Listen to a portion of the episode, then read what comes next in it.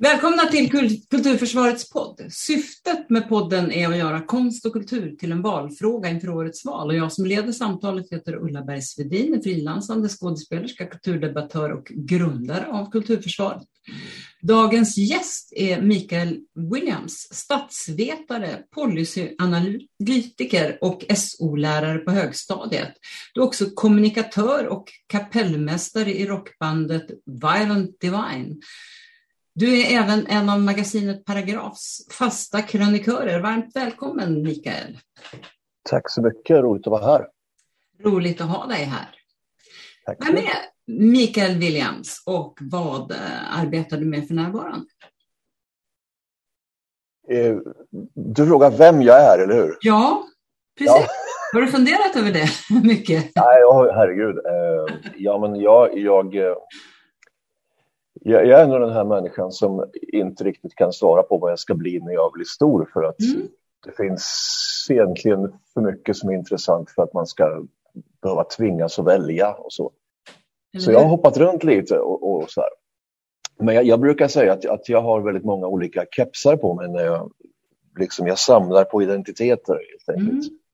Ibland är jag förälder och ibland så är jag kommunikatör och ibland så hjälper jag unga människor att, att få ett E i samhällsorienterade ämnen. Så att, ja, det är lite så här olika.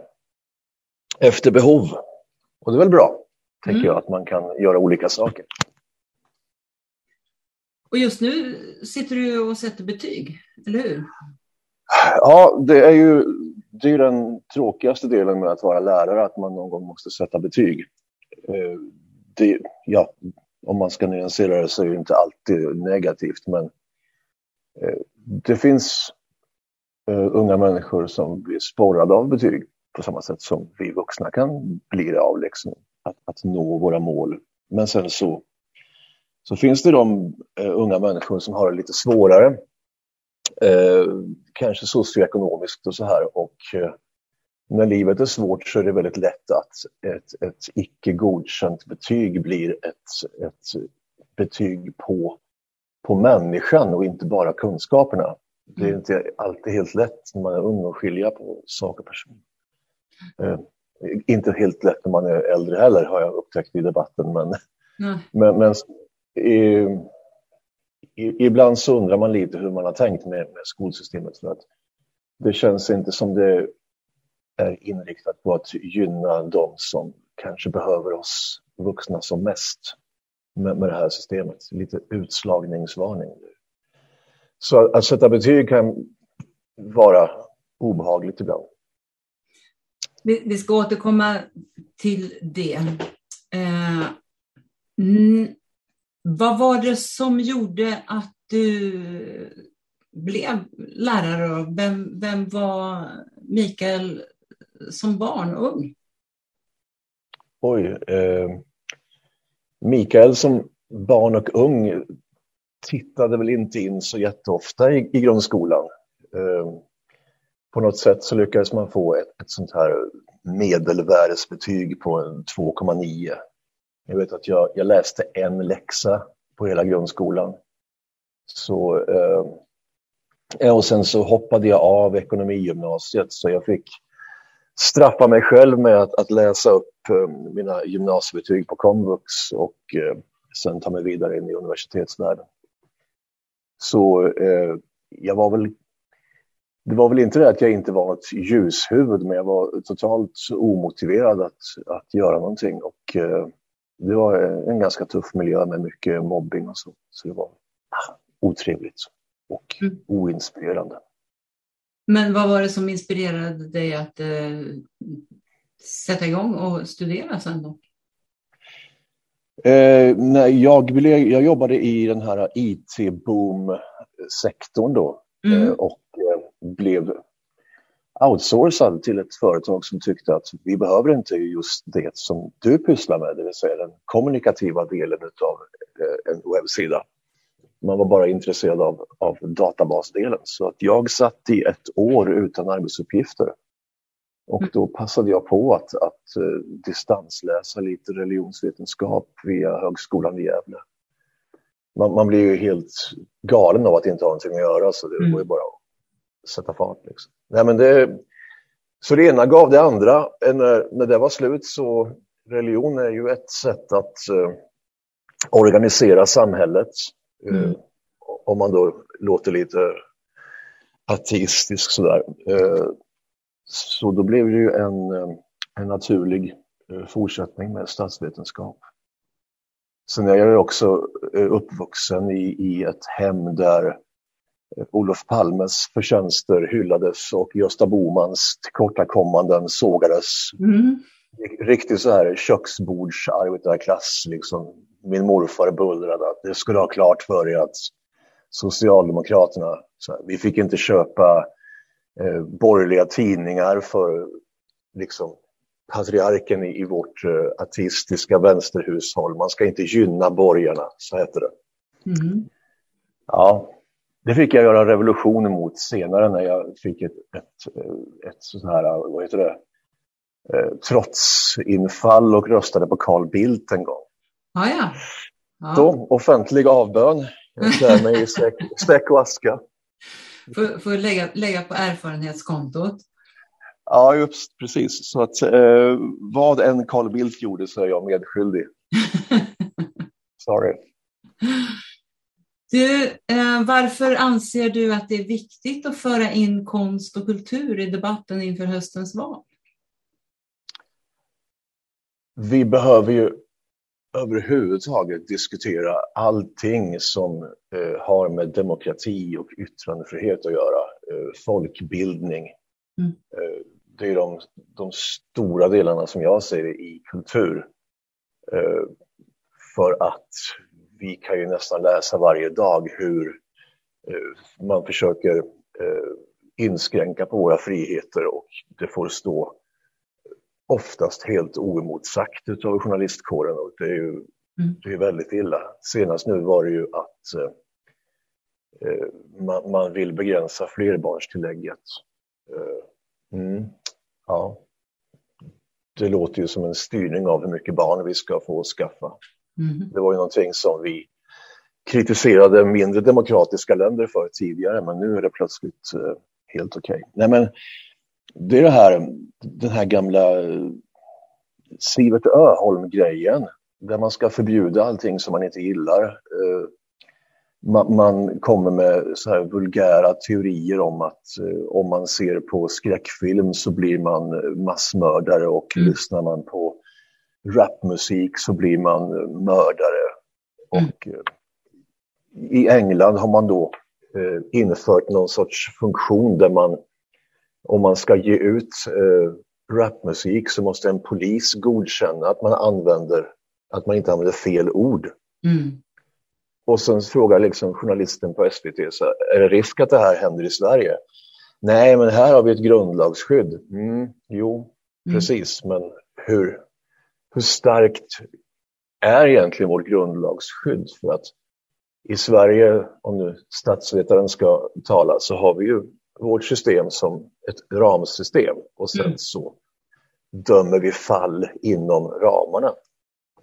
Så, mm, ja, eh, jag, jag, är inte helt lugn. Liksom. Det känns som att, att Facebook kommer in i, i, i, verkligheten när Facebook letar efter olämpliga uttryck som eh, kan leda till, till brott. Då. Jag vet att jag och en, en Facebook-kamrat diskuterade eh, Metallicas tidigare album. Mm. Och ett av Metallicas tidigare album heter Kill Em All. Mm. Jag fick en varning och han fick sitt konto suspenderat i 24 timmar. Ja. Jag menar, vi pratar om, om ett, rockband, liksom. Ah. De är household name nu för tiden. Gamla gubbar som lirar rockmusik. Ah. Och jag menar, Facebook har ju egentligen ingen demokratisk påverkan rent juridiskt, men det sätter ju en, en sorts eh, norm över vad vi kan tala om mm. i samhället. Mm. Och när normerna förändras så förändras ju även konst. Vad kan vi, vad kan vi tolerera på en teaterscen? Vad kan vi tolerera i, i, i, i målningar, skulptör, skulpturer? Mm. Vi hamnar ju där när vi förändrar diskurs och vi eh, plötsligt eh, blir helt reaktionära och eh, hela tiden ska agera reaktivt, vilket aldrig är någonting som är av godo. Men, men så har väl kanske världen alltid sett ut. Om det inte är Elvis Presley som vickar på höfterna så är det Beatles som har liksom för långa frisyrer eller vad vi nu har. Liksom. Flower power-rörelsen med bränn bhn, allting är ju livsfarligt. Liksom. Mm. Måtte jag aldrig bli sån. Det, nej. Det... Nej. nej men vi, vi, måste liksom, vi, vi, måste prata om, om det här liksom för att eh, det blir lite så här att idag så är det det här som vi debatterar om vi kan tillåta saker. Men imorgon så är det nästa sak.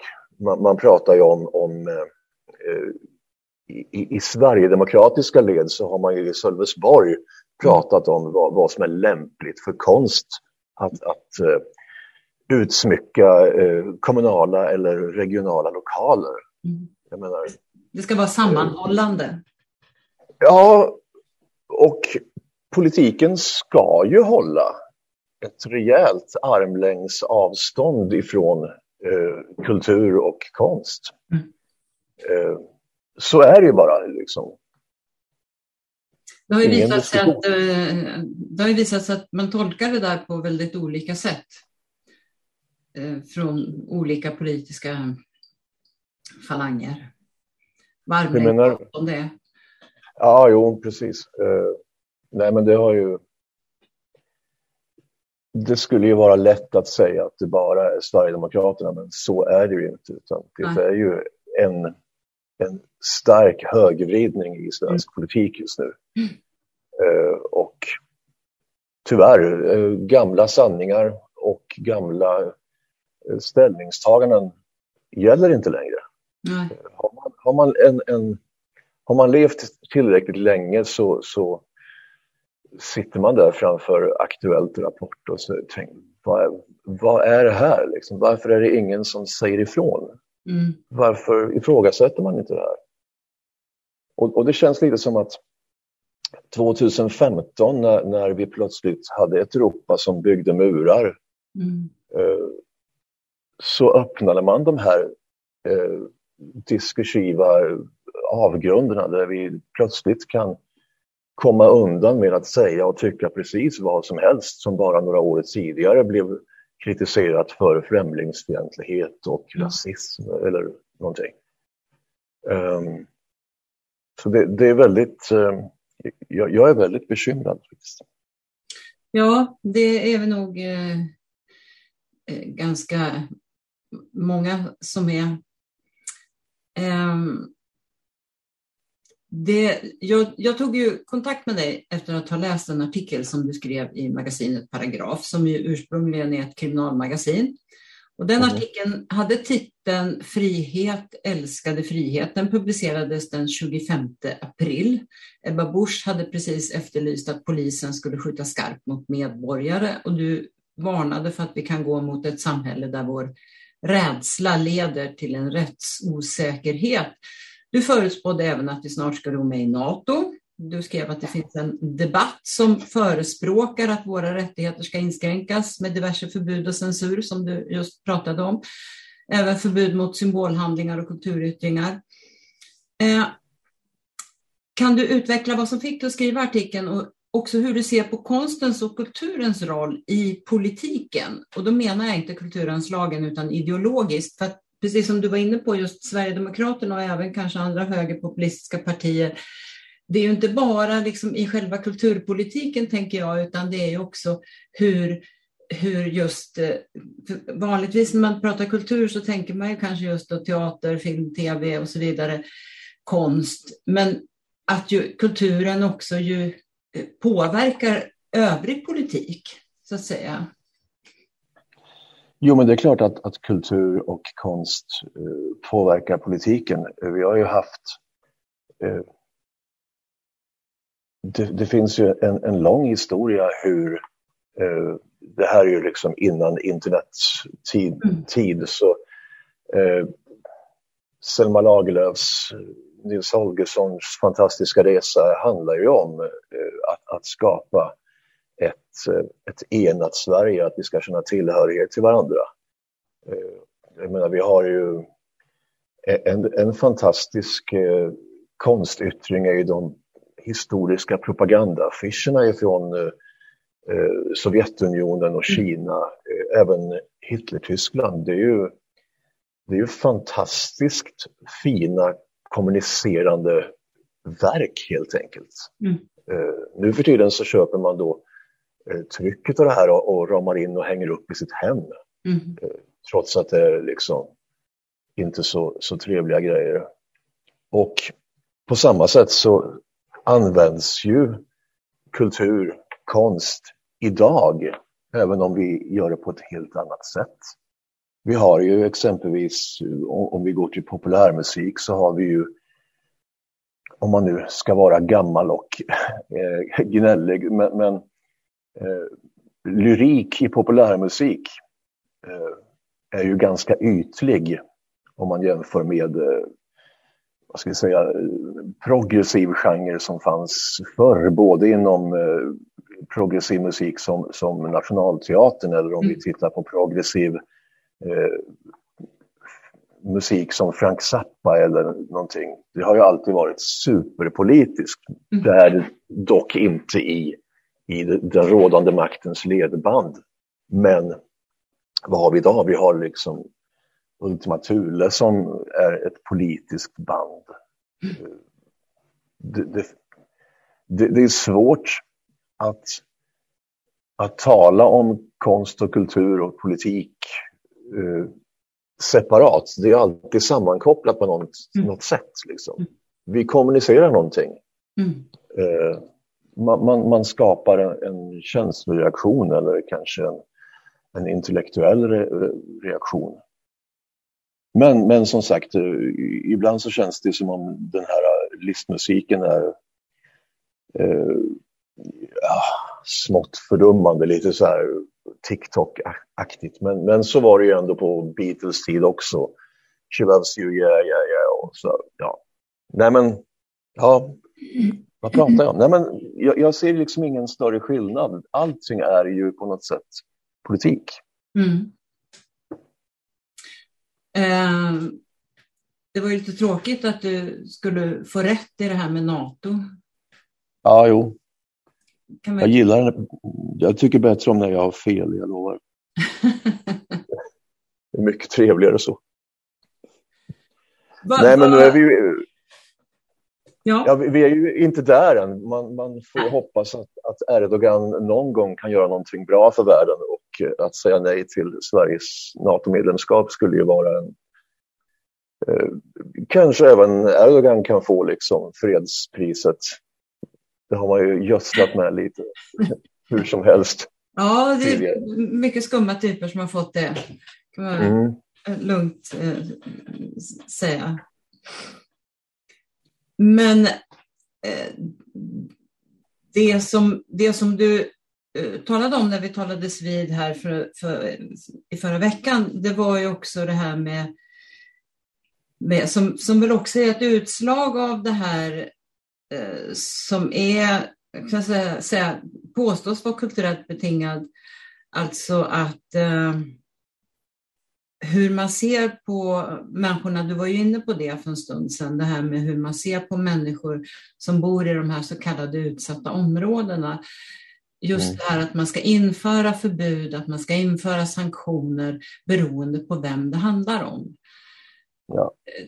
Det, det som du sa att det finns rapporter om barn som möter drogförsäljare på vägen till skolan och måste lära sig hantera det varje dag. Att det, att det kanske är det som är, är problemet, inte att man har svårigheter att lära sig egentligen. Och sådana saker, alltså det är ju det är väldigt skrämmande bilder som du tar upp där, tänker jag, när det gäller barn som eh, går i skolan och möts av det här med hårdare tag.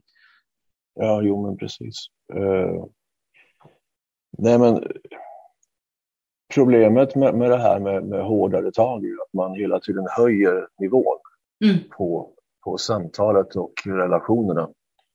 Vilket jag typ vägrar göra. Liksom. Jag står inte och skriker på ungarna utan vi, jag ska ha en relation med dem och vi ska samtala. Mm. Och sen så tar vi det därifrån. Det handlar inte om att jag på något sätt är underfallande inför de problem som, som faktiskt finns. Men eh, det, det, går ju lite inflation också i när vi talar om socioekonomiskt utsatta områden och eh, de människor som lever här för att jag menar, vi, vi har ju trots allt eh, problem med droger och kriminalitet även i de fina kvarteren. Mm. Det är bara det är bara det att de problemen är inte utåtagerande som de är här. Liksom. Mm. Och där har du inte, du har inte den här hopplösheten som finns. En, en sorts inlärd hopplös, hopplöshet. För att det är ju ändå så att heter du inte någonting svensktklingande så finns det fortfarande ett stort glastak. Mm. Det kommer man ju inte ifrån. Liksom. Och jag menar, är du uppvuxen i, i, i ett socioekonomiskt utsatt område så är det svårare att göra en, en klassresa. Mm. För att man, man blir en, en, precis som på alla andra sätt så blir du en del av en kultur. Du blir ett, en del av ett sätt att, att tänka och förhålla dig till din omvärld. Och det, det, är ju mycket sånt som man jobbar med, eh, med de här unga människorna dagligen, att få dem att förändra sitt tankemönster, att de faktiskt kan. Mm. Ja, du kommer att behöva eh, anstränga dig lite mer än någon som ser ut så här, vit i ansiktet med blå ögon och blont hår. Eh, du är en, en, en, färgad tjej som har en slöja på dig. Du kommer att få jobba hårdare för att samhället kommer att, att hålla emot. Mm. Men utbildning är ju liksom en, en, en nyckel till det mesta. Liksom. Så att eh, det gäller liksom att, att försöka förändra den, ja, det tankemönster de har, den ibland inlärda hjälplösheten man, man bryter ner saker i, i, i, små steg, man låter människor lyckas. Mm. Man lirkar och man pekar och eh, man, man, ger människor så många chanser som systemet egentligen tillåter. Mm. Om, man, om man ger ett prov så, jaha, du failade på det här och det här. Vi, kom igen, du behöver läsa på det här. Liksom. Det här har du gjort jättebra, fortsätt så.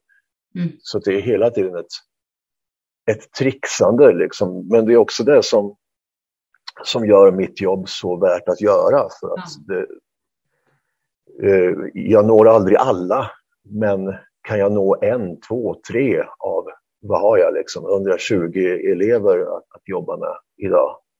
Hallå, det, det är värt liksom, mm. totalt. Uh, och det kan ju vara fler, det... tror också, som, som som, som lyssnar och vet och har med sig det du har sagt. Så att säga. Ja, precis. Och sen så om, om några får lyckas så kanske några kompisar också mm. tar tag i det här. Mm. Det finns ju ungar som aldrig besöker mina lektioner men som jag har en relation med i korridorerna eller på elevfiket. Och, mm. eh, det är eh, som Kristersson säger, att vara den vuxna i rummet. Att, ja, precis att, att vara ett, ett exempel. Liksom.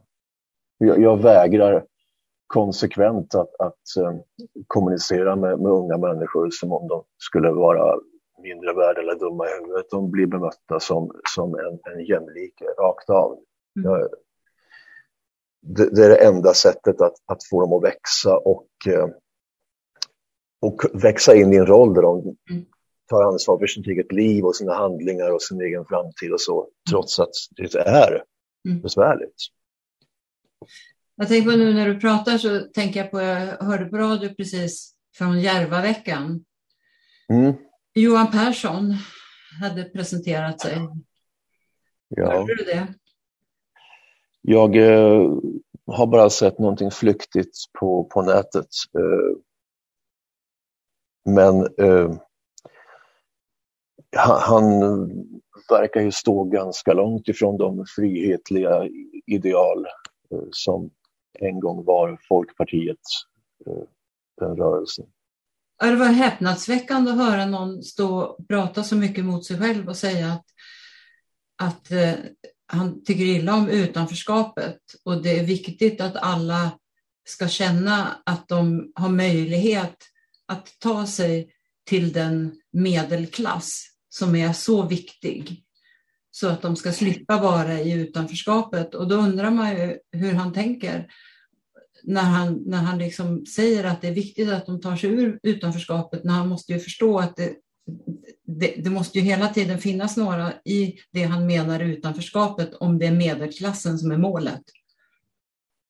Ja, som, om det inte hade, som om det inte skulle finnas någon arbetarklass, vare sig den är, består av de som bor på Järvafältet eller alla andra som också tillhör arbetarklassen.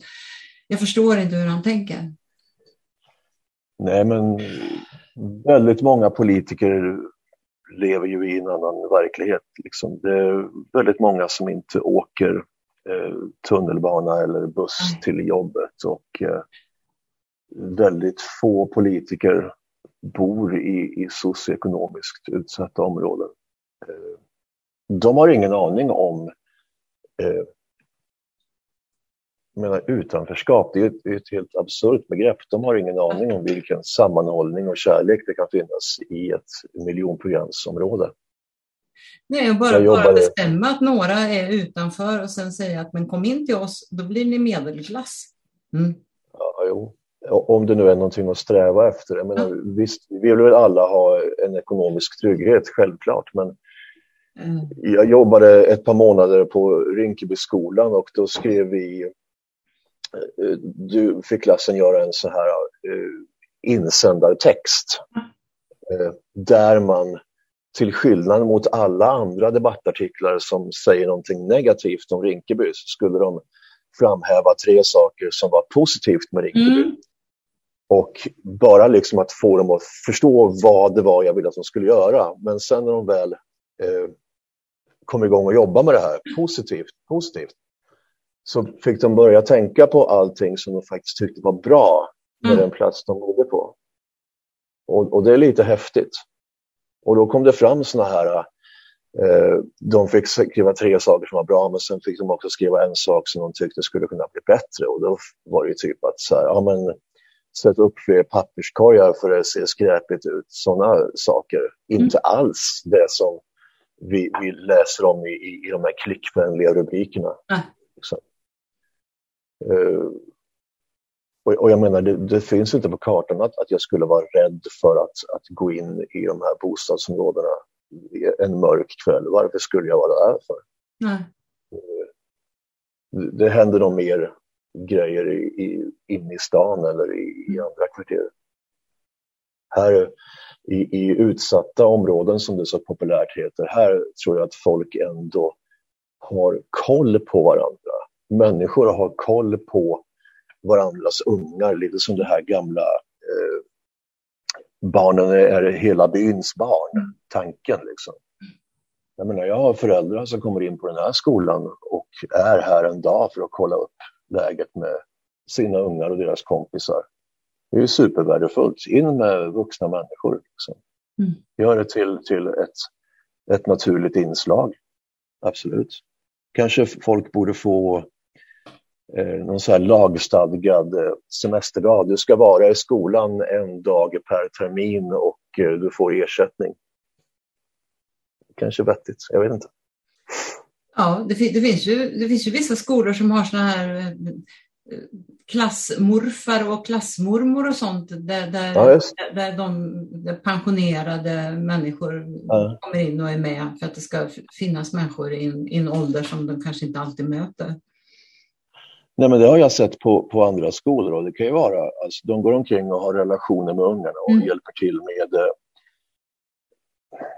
allt från att liksom klä på snöoverallen på småbarnen till att, att fixa eh, vad det nu är de, de äldre barnen behöver. Mm. Men just det här, relationen hela tiden. Mm. Att, att, det finns vuxna som ser barnen. Mm. För att man ska ju ha klart för sig att har man ett klassrum med 32 stycken unga människor i, i tonåren så det är hyfsat svårt för en ensam lärare att, att mm. räcka till. Eh, det, det, blir lätt eh, det blir lätt för mycket liksom, att alla ska få det de faktiskt har rätt att få på sin eh, individuella nivå. Precis, och vi, vi har ju en skoldebatt idag där vissa menar att det enbart är så kallade fria aktörer som kan ge barn och unga den utbildning som krävs. Och sen finns det andra som menar att samhället måste kunna insyn via förtroendevalda och att det är utbildade pedagoger som ska vara de som sköter skolan. Eh, hur tänker du kring det? Jo, men jag tror att, att eh, som i alla andra yrken så ska vi ha eh, utbildade och legitimerade människor. Det är trots allt, jag menar, vårt utbildningsväsende är ju, är ju grunden för vårt samhälle så det är klart det måste finnas en, en profession som, som uppfyller de krav som vi har satt upp för att få vara lärare. Eh, sen, sen, så är väl inte jag, jag är ingen så här kategorisk motståndare eh, när det handlar om vilken huvudman en, en skola ska ha. Jag tänker att det finns ju eh, olika pedagogiska inriktningar som Montessori eller Waldorf och lite annat som vi har haft tidigare. Det som, det som sticker i ögonen är ju eh, den här, vad ska vi kalla det för, rovdriften på skattepengar. Mm. Eh, där, där väldigt mycket Eh, bara blir en vinst utan att man investerar eh, skattepengarna i en högre lärartäthet. Finns det inte, finns det inte legitimerade lärare så kan vi ha eh, annan personal. Eh, att, att ha eh, riktiga skolböcker. Mm. Vi, vi, litar alldeles för mycket på, på digital utrustning. Det finns stora värden i, i att slå i en, i en fysisk bok. Jag, menar, jag, jag använder vanliga böcker, jag använder kartböcker också. Det är en helt annan, ett helt annat sätt att lära som jag tror att vi har glömt bort idag. Penna och papper, mm. suddgummi. Får barnen Nej, alltså, böcker idag? Nej, man, man får inte böcker längre som det var när jag var i skolan. Men däremot så har vi ju eh, klassuppsättningar med, med böcker och vi har mm. liksom kartböcker och vi har referensmaterial och vi har ett mm. skolbibliotek. Mm. Uh, och, och det, det, är ju superviktigt att, att ha det mm. av, av, hur många anledningar som helst. För att det här att kunna läsa text och kunna skriva text mm. är ju helt grundläggande. Jag har, liksom, jag har så många uh, elever som skulle lyckas så mycket bättre i mina eh, ibland ganska språktunga ämnen i SO eh, om man kunde använda ett språk bättre. Mm. Och då menar jag alltså vilket språk som helst, inte bara svenska, utan du måste ha ett språk för att kunna mm. tänka, för att kunna uttrycka dig och för att kunna resonera och analysera. Har du inte det så, ja tyvärr, då kan jag nog inte få upp dina Eh, betyg så mycket högre än E för att vi har inte de verktygen. Och, och, hur ser skalan ut då för oss som inte är helt insatta i... Ja, just det. Men F är ju, då är livet slut. Mm. Eh, och sen är E är ju då eh, godkänt. Och E är ju en, en, ganska stor behållare där väldigt många prestationer ryms. Mm. Och sen så finns det mellansteg D och B, men sen är det är egentligen tre steg. C och A också. Och eh, A är ju, är ju hyfsat struligt och komplicerat att, eh, att få för att som i SO-ämnena så behöver du kunna resonera i, i flera steg och du ska ha olika perspektiv och eh, eh det kan vara ganska tufft i, i, i högstadiet. För det, det, det är en så här fysisk mognad i, i huvudet nästan, alltså en mm. mognadsfråga om man tittar på de som har studerat eh, inlärning och pedagogik på, på en mer eh, ja, biologisk nivå. Så alltså ibland är det som att Ja, ibland borde vi inte ha liksom klasser efter eh, antalet år en människa har levt. Vi kanske borde ha klasser efter de individuella förutsättningar man har att ta, ja. ta till en viss eh, eh, utbildningsnivå. Då skulle förmodligen ett mindre antal få F om vi liksom kunde anpassa på det sättet. Men, men är, är inte det där krav på, från liksom, redan från väldigt tidigt numera att man ska kunna eh, reflektera, analysera och så vidare? Jo, det är det ju. Eh, vilket kanske är. Eh, på mellanstadiet blir det liksom... Det vad är,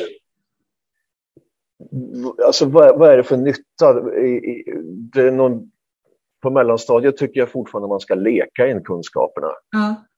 Det gör vi fortfarande. Jag leker ju fortfarande med ungarna på, på högstadiet. Vi liksom eh, gör kreativa saker, ritar med kritor och, och bygger pappfigurer eller vad vi gör. Liksom för att Det måste vara roligt någonstans också. Vi kan inte bara skriva essäer och, och PM. Det får vi göra någon annan gång. Nej, men alltså, det ska vara kul att lära sig. Man ska lära sig coola fakta och, och sådana saker. Uh, man ska, mellanstadiet borde fortfarande vara en tid då man liksom upptäcker och utforskar. Man är nyfiken. Ja. Sen blir man tonåring och då är det kört. Nej, men då, då kan man göra annat. Liksom. Nej, men det känns ju som att eh, vi föds ju alla med, med sån obetvinglig lust att eh, upptäcka och lära. Så det, borde man, det finns ju redan där gratis så att säga, så det, bara mhm. uppmuntra det borde ju vara målet egentligen. Jo, men alltså ibland så gör vi ju saker så mycket mer komplicerat än vad det behöver vara för att eh, om man bara tittar på hur små barn lär sig, de, de härmar och, apar efter. Och, eh, Ja, var, varför inte liksom? Jag menar, jag ger mina elever i högstadiet saker som jag kan skriva ihop någonting. Gör så här. Liksom. Ja, ni får sno det här. Varsågoda. Liksom. Lär er att göra så här. Ja, de skriver av men samtidigt så lär de sig hur man gör. Ah. Och om, om man tittar på hur världen ser ut så, jag menar, plagiat är ju en del av livet. Jag menar, ja. Hela kunskapssamhället bygger ju på att, att det finns någonting som du sedan lägger till någonting och utvecklar. Eh, tittar man på, på konst eller som det är i, i min eh, musikvärld så hallå, jag har tolv toner, vad ska jag göra? Ja. Liksom. Man, man bygger och klistrar och, och gör någonting förhoppningsvis eget. Liksom. Snor fyra ackord. Ja, kommer man långt med. Eller hur? Eller hur? Ja.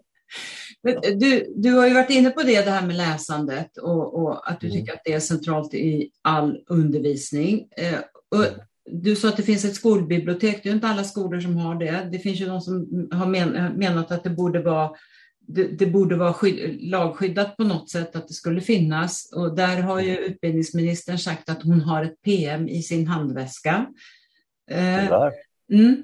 Men eh, längre har det inte kommit ännu. Och eh, hur, eh, vad finns det för böcker i skolbiblioteket hos er?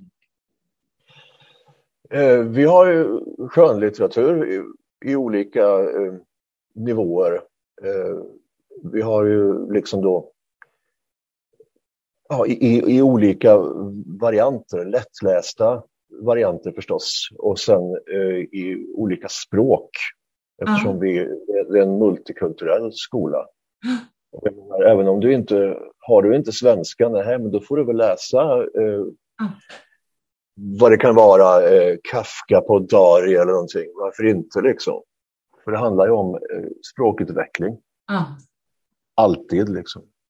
Och, och framförallt så handlar det om att uh, när du läser skönlitteratur så är du ju på besök i någon annans liv och uh, får, liksom mm, spionera på andra människors erfarenheter. Nej, men, jag tycker liksom allting är, är värdefullt. Du kan, jag tycker det är värdefullt med, med eh, serier om barnen vill läsa det. Om de vill läsa eh, typ sådana här, vad heter det, Barbara Cartland, sån här eh, kiosklitteratur på 128 sidor. Mm. Ja, varför, varför inte? Läs! För det enklaste sättet att lära sig ett språk är att läsa och lyssna. Mm. Vi härmar och apar efter. Läs det, vad som helst. Har ni något sånt, återberättar de för varandra vad de har läst eller något sånt? Eller? Vi har, nu jobbar inte jag med svenska, men eh, i, i, eh, i, historia nu så hade vi då eh, vi, vi, analyserade olika skeden i, i andra världskriget och mm. eh, gjorde då tvärgrupps eh, mm. för att kunna ge eleverna får liksom då ge varandra feedback på hur man mm. kan förbättra och förändra och lägga till och dra ifrån. Och det där är ju det, det är en rätt kul grej för att de är väldigt, de, de går ju in för det här med 100 procent. Liksom. Att sätta sig in i, i sina skolkompisars arbete och, och ge eh, konstruktiv feedback. Two stars and a wish. Mm. Liksom inte svårare än så. Eh, de, de gör eh, såna här, eh, ibland gör resurs på svenska lektioner, men då kan de göra bokdiskussioner via sån här kamera. De har ju iPads eller någonting. Mm. Och det, det, är ganska smarta berättelser när man sen får lyssna på det. Det är väldigt häftigt för att man, man, får ju lätt intrycket att, att tonåringarna är liksom, de står där med sina TikTok och, och flamsar och så här. Och sen plötsligt när man sätter någon seriös arbetsuppgift i händerna på dem så levererar de ganska bra. Mm. Eh, inte alla på perfekt svenska, men herregud, alla deltar och gör jobbet. Ah. Värdefullt. Du, du, har ju en väldigt, väldigt rolig uppgift också i, i geografi, berättar du. Vad gjorde jag där? Reseberättelsen? Ja, ja precis. Det lät jätteroligt. Ja, nej men det är ju så här med, med, kunskaper att vi, vi kan ju liksom plugga en massa fakta och, och grejer och göra ett prov och sen så glömmer vi bort det mm. så fort vi har lämnat salen. Men eh, jag, jag hittade, som tur finns det väldigt många generösa lärare som delar av sig sina lektionstips på nätet. Så jag hittade en, en ett sätt att, att göra en, en reseberättelse utav en, egentligen en namngeografiuppgift. Där du liksom får eh, resa från Arlanda till ett antal länder i, jag har kört både Amerika, Asien och eh, Afrika. Och sen så får du då berätta om eh, vad det är för grannländer, vilka länder du passerar. Du får prata om klimatzoner, klimatförändringar, vegetationszoner, eh, vad man exporterar och importerar, vad folk jobbar med, vilka folkgrupper, vilken religion de har. Och eh, sen hängde vi också på eh, de här globala målen för, för hållbar utveckling. Eh, och eh, analyserade de här länderna, hur väl de uppfyller de här målen. Att vi måste uppfylla alla målen, hur de hänger ihop, hur ut, god utbildning hänger ihop med god jämställdhet och eh, schysst jämlikhet och så vidare och så vidare. Och det här tyckte de alltså var rätt okej okay att, att göra för att ja, det är klart att man får ont i huvudet när man måste tänka men just det här att, att se hur saker och ting hänger ihop. Liksom. Om ett land inte uppfyller rent vatten och sanitet så är det ett större problem för kvinnor än för män. För att det är farligt för kvinnor att inte ha tillgång till en toalett. Mm. Så då når man inte jämställdhetsmålet och så vidare. Och så vidare. Och sen också att jämföra det här med, med Sverige så man får ett perspektiv på Eh, hur vi har det här. Liksom. Mm. Och ibland blir man ju förvånad över att eh, det finns länder som klarar saker bättre än, än, vad vi exceptionella svenskar som är bäst i världen gör. Eh, och det är lite skoj. Ja, men det är klart, precis som du säger också, det här, det här kommer de ju att minnas mycket mer än att plugga fakta inför ett prov. Jo, men jag tror det. Och det är det här också att här finns det ju inte då vattentäta skott. Det är en geografilektion, men vi pratar ju fortfarande historia vi pratar eh, ekonomi och vi pratar samhällskunskap. Ja. Alltså det, Sen, sen så får jag ju... vara så att det vore gränsöverskridande så att man liksom tittar på helheter, för det är så man lever. Ja, men precis. Nej, men, men så är det ju. Har man eh, möjlighet så kan man jobba tillsammans med eh, svenska lärare. Jag vet att på den här skolan tidigare har man jobbat tillsammans med eh, NO-lärare när man pratar om eh, globala målen. Och det passar alldeles utmärkt. Eh, man skulle ju kunna göra hur mycket roligt som helst. Det är en fråga om planering, tid och resurser som vanligt. Och då, kan vi, då måste vi ha ett, ett lärarlag som, som håller lite över tid så att man kan liksom slutföra saker. För det är också en, en sån sak vi debatterar, att, att lärarna byter jobb väldigt ofta. Mm. Eh, det kan man förstå. Ja. Och det är inte så bra. Nej, eh, Sverige hade enligt uppgift i alla fall världens bästa skola.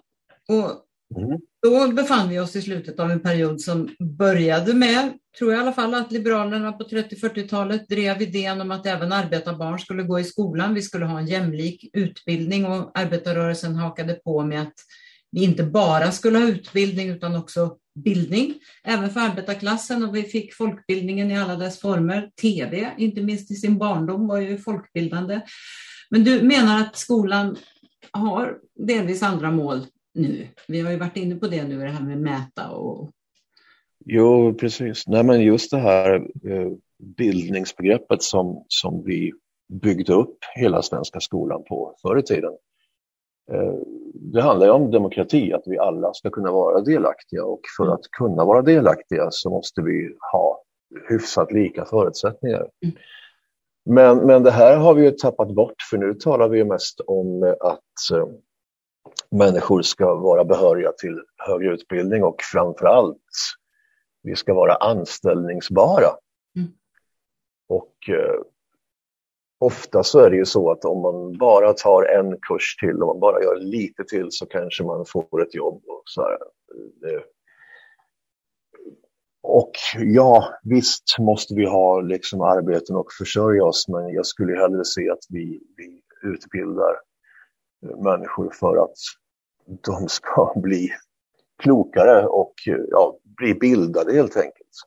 För att livet är ju ändå ibland mer än, än, att man bara går till jobbet och åker hem och sover. Det finns ju andra saker. Men, men, tro, men tror du att om man tänkte så, tror du att det skulle leda till att, att, att man inte fick jobb?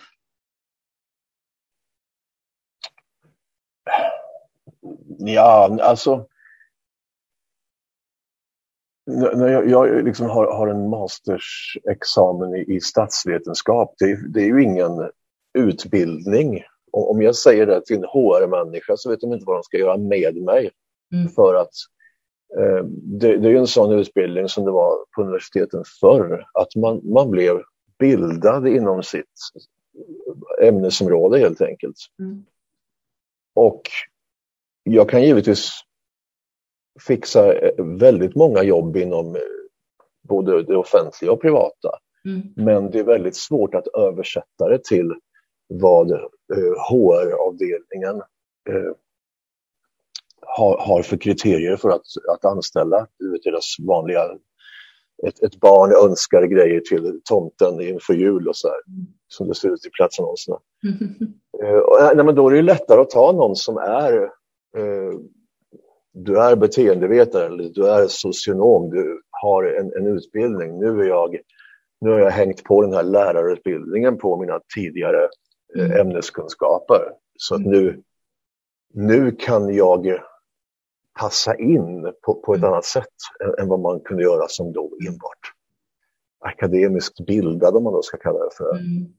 Eh, för att, ja, det är inte att man inte kan någonting, det är bara det att, att det, det, funkar inte riktigt i systemet längre för vi tänker i, i andra termer. Men om man tänker grundskolan, att den skulle kunna bygga också på, på bildningsprincipen så att säga, det, då tänker jag mer att man skulle kunna integrera eh, det här med konst och kultur, så att säga, precis som jag upplever att du ju gör i ditt sätt att undervisa. För då får de Ja, jo. köpet utan att, att man direkt säger till dem att nu förstår ni barn, nu jobbar vi med konst och kultur här. Det handlar ju om att, att göra bildning, kunskaper synliga på något sätt. Att man får göra sina egna kunskaper. Alltså, eh, och då, då är det det här att, att skapa tillsammans med, med de andra i, i lärarlaget. Så jag, jag skulle kunna göra extremt mycket ihop med en bildlärare. Mm. Jag skulle kunna jag menar, jag, jag är inte bildlärare. Ha- Hade jag liksom en, ett projekt ihop med en bildlärare skulle vi kunna göra mycket större grejer för att vi, vi får in en, en kompetens till i, i klassrummet. Eh, Jobbar man ihop med en svenska lärare så kan man eh, skriva mycket mer. Vi kan göra en, en bättre analys. Eh, så att du liksom jobbar som gymnasielärare så kan man göra politiska analyser av eh, skönlitterära eller historiska eh, litteratur. Va- Och, och det gör man ju liksom. Man, man pratar ju om eh, eh, litteratur från olika epoker och så här. Men, men just då att, att kunna eh, fördjupa kunskaperna med att, att samtidigt prata eh, samhällskunskap i, Mm. i samma andetag. Men, men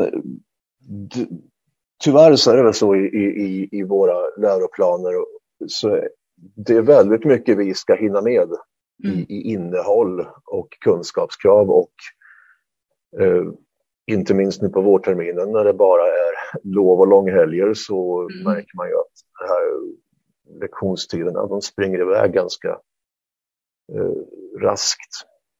Och, och eh, ja, det här som, som blir fördjupat då, det, det hamnar ju hos dem i klassrummet som, som ligger lite före helt enkelt. Alltså A-studenterna. Medan eh, FE-studenterna, där, där tragglar vi fortfarande med, med eh, basic eh, kunskaper. Och det, det är väl gott och väl, liksom, men det här med att se eh, utbildningen som någonting som, som minskar eh, klyftor och minskar segregation. Riktigt så är det inte just nu. För vi har fortfarande det här smörgåsbordstänket där alla ska kunna ta sig för av egen maskin. Men, men riktigt så funkar det ju inte. För att du måste ha förutsättningarna för att kunna ta för dig för att det ska bli lika bra Mm. för alla. Du, du är ju ganska nyligen utbildad. Ja, just det.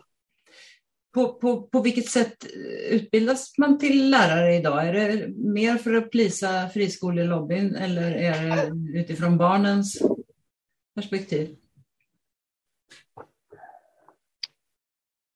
Eh, alltså jag har ju hängt på en, en, en pedagogisk utbildning på ämneskunskaper så jag, jag har inte jättebra koll på hur lärarutbildningen ser ut från början. Men eh, jag tycker inte den är, är, är riktad eh, åt något speciellt håll. Vi, vi får lära oss eh, pedagogik och didaktik eh, rent generellt.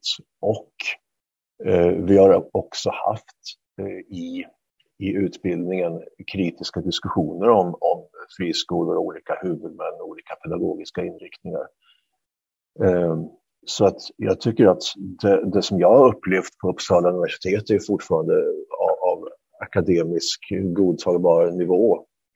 Det är inte alls så att vi liksom föder eh, någon friskolelobby.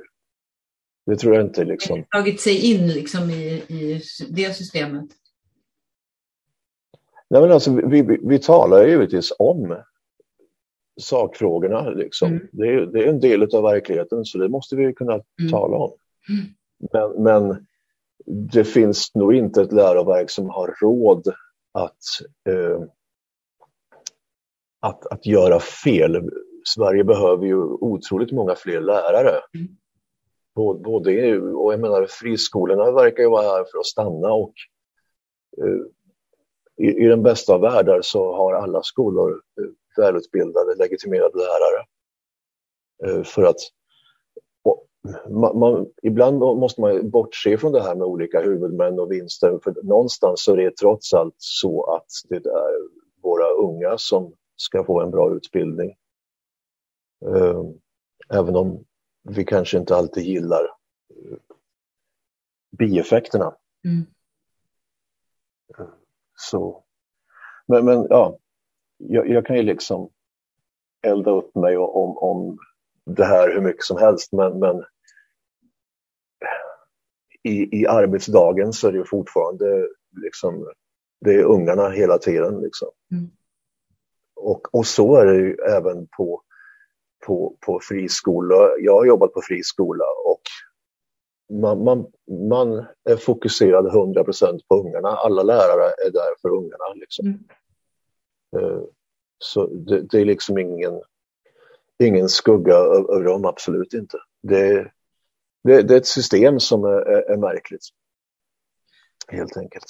Ja, och du, du har ju också sagt att nuvarande betygssystem som du var inne på förut, ger intrycket att det är barnet, den unga människan som bedöms som person och inte kunskaperna. Mm. Kan du utveckla lite mer vad, vad du menar med det, men också framförallt vilka konsekvenser tänker du att det får i, i förlängningen? Nej, men det är det här med, med, med inlärning, om, om du liksom av olika anledningar som egentligen inte är intellektuella. Man kanske inte passar in i, i, ett, i, i ett skolsystem eller att man har ett, ett struligt liv. Eh, man är fattig eller, eller föräldrarna är arbetslösa, vad vi nu har. Liksom. Då tror jag att det är lätt att, eh, att, att köpa den här bilden av sig själv som, eh, som att man inte man, man, kan inte lyckas på samma sätt som andra lyckas. Jag menar, hur, i ett klassrum så har jag några som är A-elever och så har jag några som strular med F. Och jag menar, det är klart att ungarna jämför sig med varandra. De eh, pratar om betyg med varandra, givetvis. Eh, och, och det, här, det här skapar ju en, en, en skillnad. Eh, jag har förvånats liksom över att när jag kommer in i en klass med 30 ungar så finns det ingen samhörighet. Det finns inte någon vi-känsla. Liksom. Vi i 8A, eh, de, har, de har ingen sammanhållning. De är liksom egna små, 30 egna små öar som flyter omkring och är individuella. Även om de eh, umgås och hänger och, och leker och, styr som vanligt så, så är det inte det här som, som jag upplevde att det var eh, tidigare. Är det betygssystemets fel? Jag vet inte. Vi hade ju, jag hade de här relativa betygen 1 till 5. Mm. Eh, där man på något sätt fick betyg jämfört med, med någon, någon, grupp på något sätt. Eh, mycket märkligt system. Men, men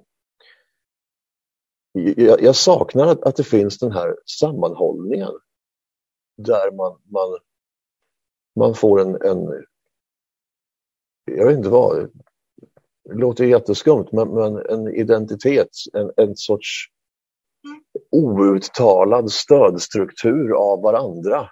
Mm. Eh, låter det flummigt? Nej, men Nej. jag vet inte. Nej, det gör det inte. Det, det enda är väl att det, det, skulle väl kanske krävas helt andra resurser för att man skulle kunna stötta så mycket så att det kom till att, att det uppstod, kan jag tänka mig. Ja, fast då kan man säga så här att på, på min tid när jag var liten så, så fanns det liksom en, en, en vi-känsla i klassen och när jag, när jag pratar med, med gamla klasskamrater på Facebook så finns det fortfarande det här eh, gamla beröringspunkter som lockar fram det här vi. Eh, och när jag, när jag ser de här kidsen så undrar jag liksom att kommer det, kommer det vara så? Ja, de kanske minns sin, sin skogstokiga SO-lärare som tvingar dem att göra reseprojekt. Liksom. Eh, men, mm. men, men ja, för att om man, man tittar på det här med, med liksom vi-känslan så är det ju grundskolan och eh, militärtjänstgöringen som, som bygger vi-känslan. Som bygger det här att, att uh, vi integreras med varandra på något sätt. Mm, ja, det och förenings, uh, olika föreningsverksamhet och sånt. Ja, precis. Det, det är ju, men det här stora är ju den gemensamma grundskolan, det som vi mm. alla mm, ska mm, gå igenom. Men, men det kanske inte har så mycket med betygssystemet att göra, men, men i det, i det relativa betygssystemet så kunde man ju få mellan 1 och 5 och 1 var ju sämst. Mm. Men det var ju inte ett F. Eller hur? Du fick liksom, ja. hade du ett så hade du dåliga betyg, verkligt sugiga betyg, men, men du var ändå med. Mm. Nu har vi F till A där, där F är exkludering. Mm. Men, men, det är inte bara...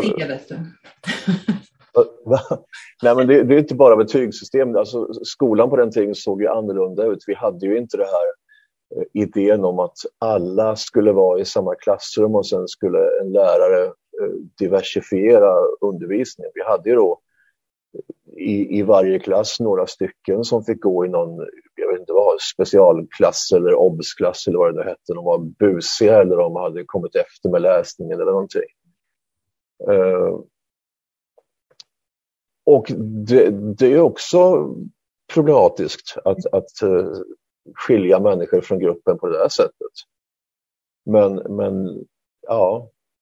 För att varje tid har haft sin sån där äh, åt, åtskiljande äh, och äh, ja, ja, ja, det är något med det där med betygssystemen som hur de än trixar och har sig så blir det, blir det något, något konstigt. Ja, samtidigt så, så förstår man ju ändå att, att vi kanske betygen även har en positiv funktion eh, för, för individen och eh, det är, ett, det är ett verktyg för samhället, så är det ju. Men mm, visst, precis. man skulle kunna vända på det och ha liksom inträdesprov. Vi har ju högskoleprovet som inträdesprov till universitetet, så vi skulle kunna ha det till, till gymnasiet. Alltså det går ju att vrida och vända. Mm. Grejen är väl att vi kommer väl aldrig att få ett, ett, ett, ett system som är fullkomligt vattentätt och perfekt. Troligtvis inte. Mm. Det är väl om man skulle börja, om man utifrån de samtal som man har ändå nu sedan ganska många år tillbaka jobbade med typ av omdömen och just sådana här saker som vad, vad kan vi förbättra under den här perioden och så vidare så att man, mm. inte, så att man inte satte siffror på det eh, på det sättet. Ja. Bokstäver. Ja, men det klokaste är ju liksom den här, det här formativa arbetssättet, att man liksom mm. löpande eh, jag vet att i USA finns det en, en rörelse som heter ungrading. Det vill mm. säga att vä lärarna vägrar att ge ungarna eh, ett, en siffra eller en bokstavsbedömning på enskilda uppgifter utan det bara handlar om att peka ut riktningen, vilket väg de ska gå och liksom, mm. För, att, för att få dem att, att bli bättre och växa och så. Mm. Uh, och, och det, det, är ju väldigt mycket svårare för att alla ungarna är ju helt besatta vid dessa betyg. Liksom. Mm. Vad fick vi för betyg på det här provet i franska revolutionen? Mm. Nej, men du vet, jag har ju gjort en bedömning, jag är inte klar än, vi behöver kolla på det här. Liksom. Mm. Men, men, så men här, eh, modernt ledarskap eh, bygger ju på att man ska, att man ska så att säga, uppmuntra och eh, Eh, försöka hjälpa till med utveckling. Och då är det mm. jättekonstigt att i början av livet så har man liksom strikta eh, värderingsmått. Så jag, jag, jag, jag, tänker att det kanske också handlar om, handlar om att det här är betygssättningen på, på rektorer och skolledare överhuvudtaget. Det är mycket mer, det, liksom, det, slår, det slår på dem och det är därför det blir så viktigt. För det för mig också till nästa fråga. Det finns ju en press på er lärare, både från föräldrar och eh, skolledare, att leverera resultat. Mm. Eh, och utifrån det, eh, vilken status upplever du att konst och kultur har i dagens skolsystem? Oj. Uh... det, det, är det här med, med trängseln i allt som ska hinnas med. Jag, jag ser ju hur, hur, mina kollegor som är svenska lärare sliter med att, att de eh, ska läsa Möss och människor av Steinbeck. Liksom. Mm. Och det, det är väl kanske inte, inte jätt, jättelätt tillgänglig historia. Det är väldigt svårt att, att få uh, någon pejl på deras vardagsliv. Jag vet inte. Eh, just på den här skolan så finns det en riktigt bra bildsal och vi har liksom bra bibliotek. Så engagerade lärare verkligen. Eh, ja, det verkar som om ni liksom har, eh, har integrerat eh, konst och kultur hos er. Det kanske betyder att ni också ni har en, någon slags gemensam förståelse för, för betydelsen av det. Jo, men, men det tror jag. Och vi har ju en av fördelarna med att jobba i ett multikulturellt område är ju att du får med dig så mycket gratis. Mm. Eh, sen så, eh, jag menar herregud, man får ju aldrig nog. Jag skulle ju äh, önska mig en teaterpedagog liksom, mm. som kunde eh, vara kittet mellan musikpedagogen och bildpedagogen. Alltså, mm. Vi skulle kunna göra teateruppsättningar av så mycket eh, ämnen som, och kunskaper som de behöver kunna. För att, ja, du vet, då skapar man kunskaperna till någonting eget när man får göra dem själv. Och det här. Det, och det är så mycket roligare än att stå och föreläsa och ha instuderingsuppgifter och sen göra ett prov och sen går vi vidare till nästa och så här, och ingen kommer ihåg någonting. Mm. Nej, men, men alltså det, det är ju jätte... Det, systemet är ju jättestruligt att få eh, ordning på för eh, den kommunala skolan är också en marknadsskola. Det är samma mekanismer. Man har sina budgetar som då den stackars rektorn ska prioritera mm. den här påsen med pengar och det får inte gå med förlust. Mm. Att gå med förlust brukar oftast betyda att ungarna får bättre studieresultat för då har man anställt lite mer personal eller man har mm. lagt pengarna på någonting som faktiskt gör nytta liksom, istället för att uh, ja, höja försvarsbudgeten eller något annat som inte gör en människa glad. Uh, det är nog inte kul att vara rektor. Jag skulle inte vilja ha det jobbet för att det är ett... Det måste vara ett helsike att prioritera pengar. Mm. Speciellt om du är rektor i ett område som är lite mer krävande. Det, så, så... Men alltså, ambitionen finns där. Mm. Det tror jag. Du, du, du var inne på det när du pratade om din utbildning som eh, statsvetare. Men du har ju också arbetat som policyanalytiker och det tror jag nog kanske att det är många som inte riktigt vet vad det innebär, så berätta gärna det. Men också varför det kanske är så viktigt att vi har människor som förklarar vad till exempel då lagtexter, handlingsprogram, utredningar och andra politiska texter i praktiken betyder i de här tiderna av fake news. För det är ju det, det bland annat du gör också tycker jag i dina texter i magasinet Paragraf.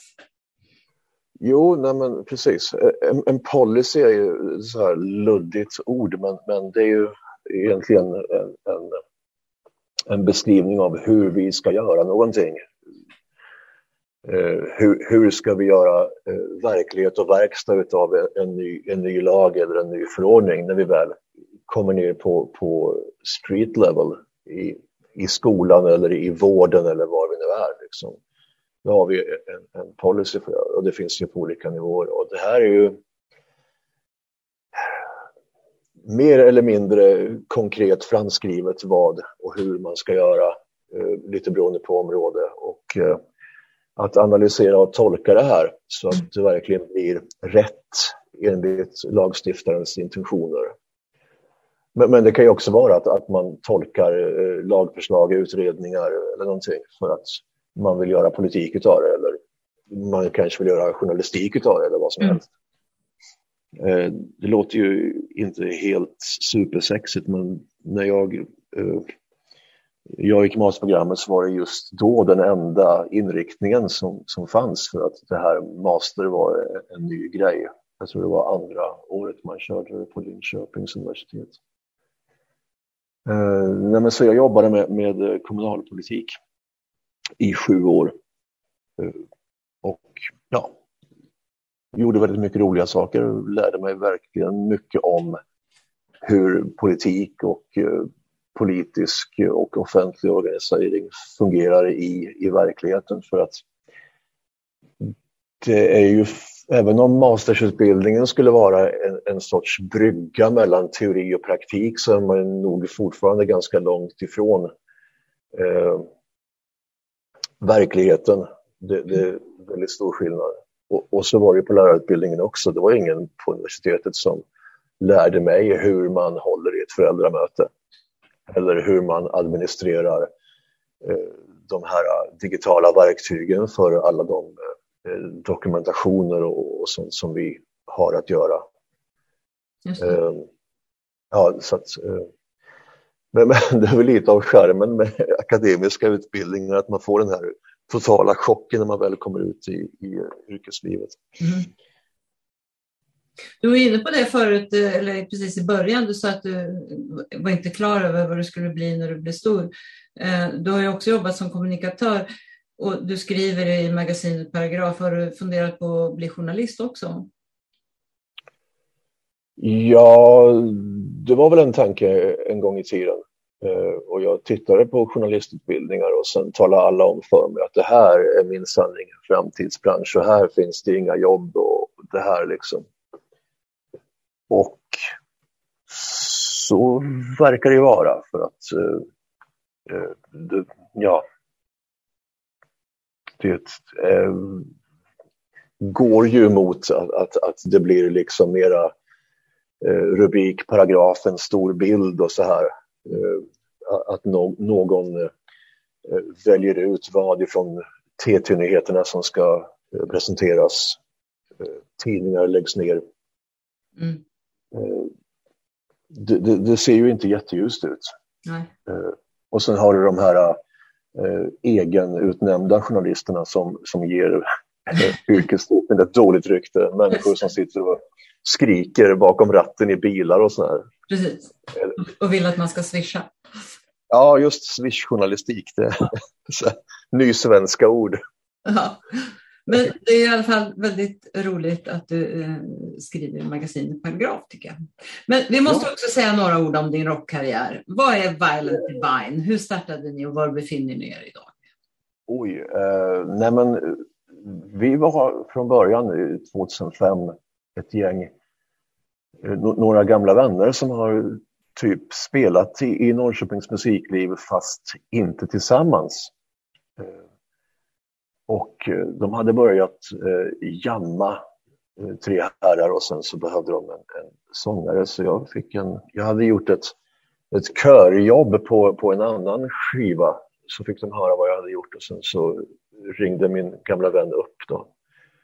Eh, och sen så eh, i den första sättningen så gjorde vi tre skivor och åkte runt och spelade lite och lekte rockstjärnor.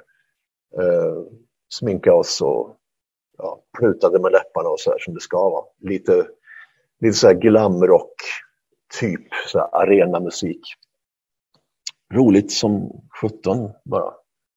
Och sen så, som det alltid är, så, så kom liksom livet emellan. Det blev småbarn och det blev universitetsutbildningar som slutade i en examen och sen riktiga välkammade jobb med skjorta och slips och de här grejerna. Mm. Uh, och då tiden försvinner. Sen så eh, gjorde jag en, en omformering och uh, hittade några herrar som var betydligt yngre än vad jag var.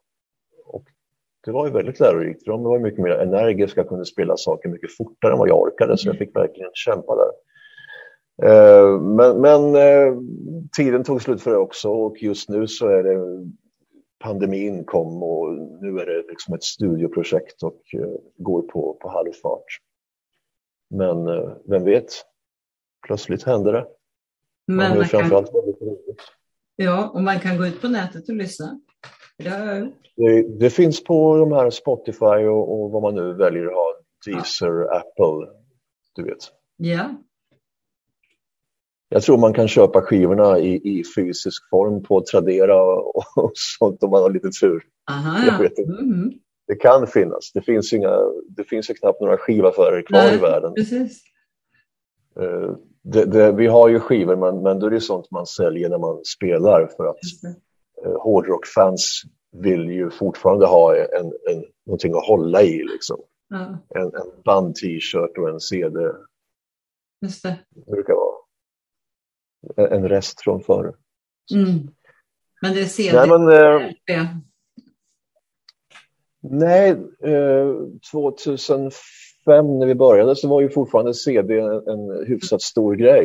Mm. Och nu har ju i och för sig vinylen kommit på, på retur, men mm. eh, ja, det, det, är ju väldigt mycket det här med, med att vara i musikbranschen, att man måste hitta någon som faktiskt lägger upp lite pengar för det hela. Mm. Och eh, det är ju rätt svårt. Mm. Ja. Jag har en avslutande fråga. På ja. vilket sätt och av vilka anser du att konst och kulturpolitiken bör debatteras inför valet? Så att det som står i alla de här vackert formulerade kulturplanerna blir tydligt att konst och kultur är viktigt för såväl samhälle som medborgare. Mm. Men är de inte ganska dåliga på att, att motivera och förklara för eh, människor i gemen eh, varför det är viktigt? Tänker jag. Eh, för att konst och kultur är ju någonting som är nästan för givet taget. Mm. Tills någonting händer som pandemin exempelvis som gjorde att vi inte kunde utöva vare sig som deltagare eller åskådare eller, eller kulturproducenter eller konstproducenter eller vad vi nu är. Eh, det blev stopp för allting och plötsligt så får kulturen synas och debatteras igen. Mm. Nu har vi förstås glömt bort det för att nu debatterar vi någonting annat, typ eh, kriget i Ukraina och vi tillåts ju oftast inte ha mer än en tanke i huvudet samtidigt. Eh, nej men jag, jag, skulle vilja att, att man kanske eh, tar exemplet med pandemin när, när vi inte längre kunde utöva kultur eller ta del av kultur. Eh, och gå därifrån rent kommunikativt. Och, och eh, jag tror att människor fortfarande kommer ihåg det, vilken stor betydelse kultur har, om det så är liksom, teater eller sport eller vad vi nu har. Liksom. Det, kultur är ju väldigt brett. Men jag menar, vi fick ju inte ens gå på, på konstmuseum. Mm. Alltså, allt var ju stängt. Och jag tror att, att man kan komma ihåg hur det faktiskt eh, lämnar ett sorts hål i, i, i, i livet, i, i själen när vi inte... Det var liksom bara tv och internet kvar. Mm. Och det är ju inte... Det räcker ju inte. Mm. Vi är mer än så. Så kanske man, man kan börja där och, och börja eh, tala om det. För det är mycket så att vi måste tala om det, för annars så försvinner det. Det tror jag är väldigt viktigt, ja. Det blir lätt bortglömt annars. Ja. Stort tack Mikael för att du ville medverka. Tack för att jag fick medverka Ulla, det här var trevligt. Jag hoppas jag har sagt någonting som var vettigt i svadan här. Absolut. Och tack för att ni lyssnade. Den som vill veta mer om Kulturförsvaret och om kommande poddar kan gå in på kulturförsvaret.se. Poddarna hittar ni på sidan och där poddar finns. Om ni vill gå med i vår Facebookgrupp så är det bara att gå in och ansöka om medlemskap. Gruppen är öppen för alla som är intresserade av konst och kultur och som tycker att det är viktigt att konst och kultur och fri press och media diskuteras på samma villkor som alla politikområden inför valet. Tack och på återhörande!